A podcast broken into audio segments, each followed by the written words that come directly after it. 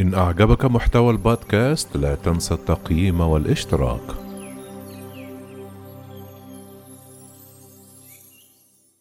كيف ستنجح محاكمة الرئيس السابق دونالد ترامب الثانية؟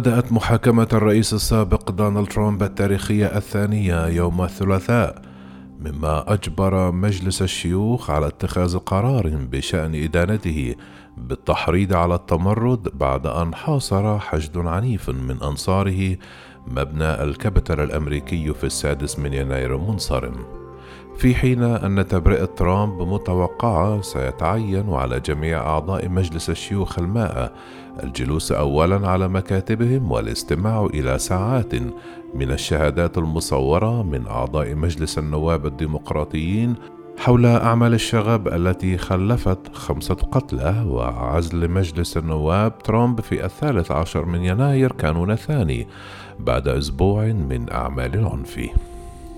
إذا كيف ستكون محاكمة الرئيس السابق دونالد ترامب؟ ينص الدستور الأمريكي على أن مجلس النواب لديه السلطة الوحيدة للمساءلة في حين أن مجلس الشيوخ لديه السلطة الوحيدة لمحاكمة الفرد على التهم الموجهة إليه. يمكن إدانة الشخص الذي يتم اتهامه والذي يمكن أن يكون الرئيس أو نائب الرئيس الأمريكي أو أي موظف مدني في الولايات المتحدة من قبل ثلثي أعضاء مجلس الشيوخ الحاضرين. يقوم مجلس النواب بتعيين المديرين كمدعين عامين تم تعيينهم في قاعة مجلس الشيوخ جنبا إلى جنب مع محامي المدعى عليه لعرض قضيتهم سيكون أمام المدعين وفريق دفاع ترامب فترة زمنية محددة لتقديم الحجج ومن ثم يمكن لأعضاء مجلس الشيوخ طرح الأسئلة كتابة قبل التصويت النهائي. يترأس رئيس قضاة الولايات المتحدة عادة محاكمة الرئيس ولكن نظرا لترك ترامب لمنصبه سيكون الضابط الذي يترأس الجلسة هو السيناتور باتريك ليهي ديمقراطيا وهو الرئيس الشرفي لمجلس الشيوخ باعتباره الأطول عضوا في حزب في حزب الأغلبية. بمجرد أن يصل أعضاء مجلس الشيوخ إلى تصويت نهائي بشأن تهمة الإقالة هذه المرة هناك تحريض واحد فقط وهو التحريض على التمرد. سيقف كل مشروع ويدلي بأصواته مذنب أم غير مذنب. فما هي المدة التي ستستغرقها المحاكمة؟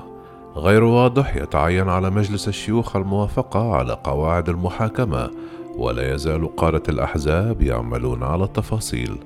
استمرت المحاكمة الأولى لعزل ترامب والتي تمت تبرئته من تهمة إساءة واستخدام السلطة من خلال الضغط على أوكرانيا للتحقيق مع الرئيس الحالي جو بايدن ما يقرب من ثلاثة أسابيع. لكن من المتوقع أن تكون هذه الحالة أقصر لأن القضية أقل تعقيدا وأعضاء مجلس الشيوخ يعرفون الكثير من التفاصيل بالفعل حيث كانوا في الكابيتال أثناء التمرد. وبينما يريد الديمقراطيون التأكد من أن لديهم الوقت الكافي لعرض قضيتهم فإنهم لا يريدون ربط مجلس الشيوخ لفترة طويلة. لا يستطيع مجلس الشيوخ تأكيد مرشحي بايدن لمجلس الوزراء والمضي قدما في أولوياتهم التشريعية مثل الإغاثة من كوفيد 19 حتى تنتهي المحاكمة. ويجادل الكثير من الديمقراطيون ومحامي ترامب بأن المحاكمة غير ضرورية حتى غير دستورية لأن ترامب لم يعد رئيسا ولا يمكن عزله من منصبه.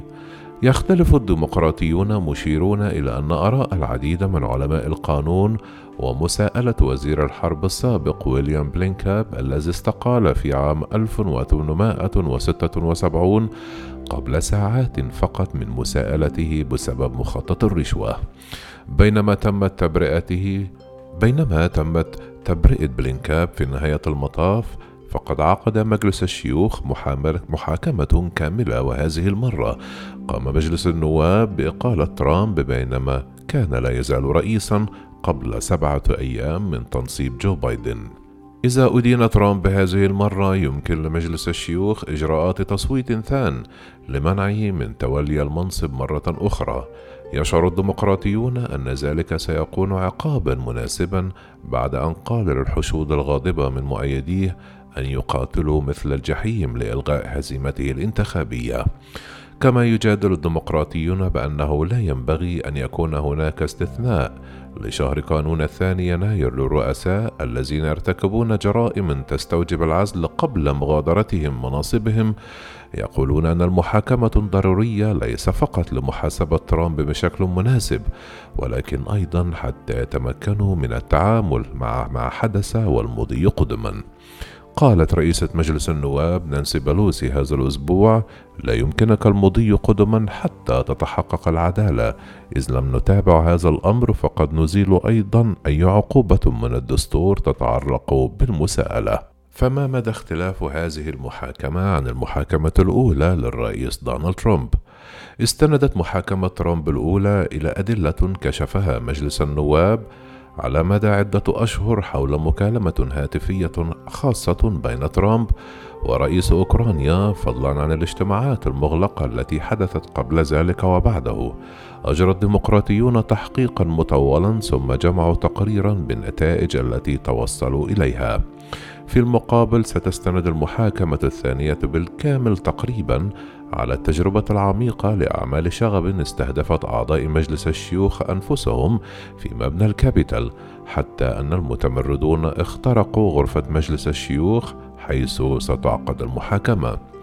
قد تستهل الذكريات الجديدة اليوم السادس من يناير على مديري المساءلة في مجلس النواب على طرح قضيتهم لكن هذا لا يعني أن النتيجة ستكون مختلفة. تمت تبرئة ترامب في أول محاكمة له قبل عام يوم الجمعة بتصويت جمهوري واحد فقط وهو السيناتور يوتا ميت رومني للإدانة وقد لا يكون هناك الكثير من أصوات المذنبين هذه المرة. في تصويت تجريبي في السادس والعشرون من كانون الثاني يناير صوت خمسة أعضاء جمهوريين فقط في مجلس الشيوخ ضد محاولة رفض المحاكمة في إشارة مبكرة إلى احتمال تبرئة ترامب مرة أخرى. إذا ما الذي سيقوله محامي ترامب؟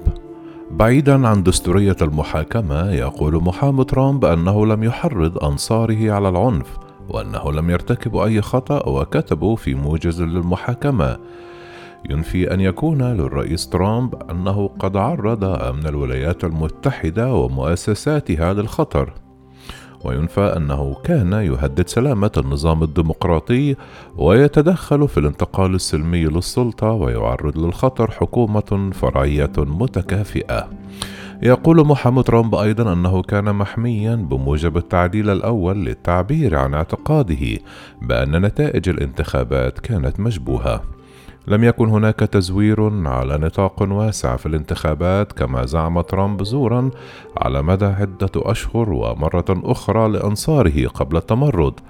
نقد مسؤول الانتخابات في جميع أنحاء البلاد وحتى المدعي العام السابق ويليام بار مزاعمه وتم رفض عشرات الطعون القانونية على الانتخابات التي قدمها ترامب وحلفائه إن تبرئة مجلس الشيوخ للمرة الثانية من مساءلته سيكون بمثابة انتصار لترامب وسيثبت أنه يحتفظ بنفوذ كبير على حزبه على الرغم من جهود لتقويض الديمقراطية والإدانة الواسعة من زملائه في الحزب الجمهوري بعد السادس من يناير.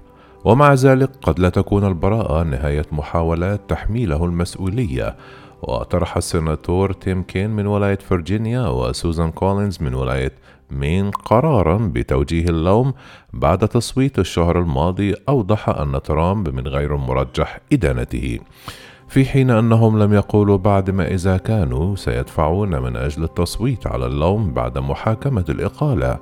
قال كين هذا الأسبوع إن الفكرة مطروحة على الطاولة وقد تصبح فكرة مفيدة في المستقبل.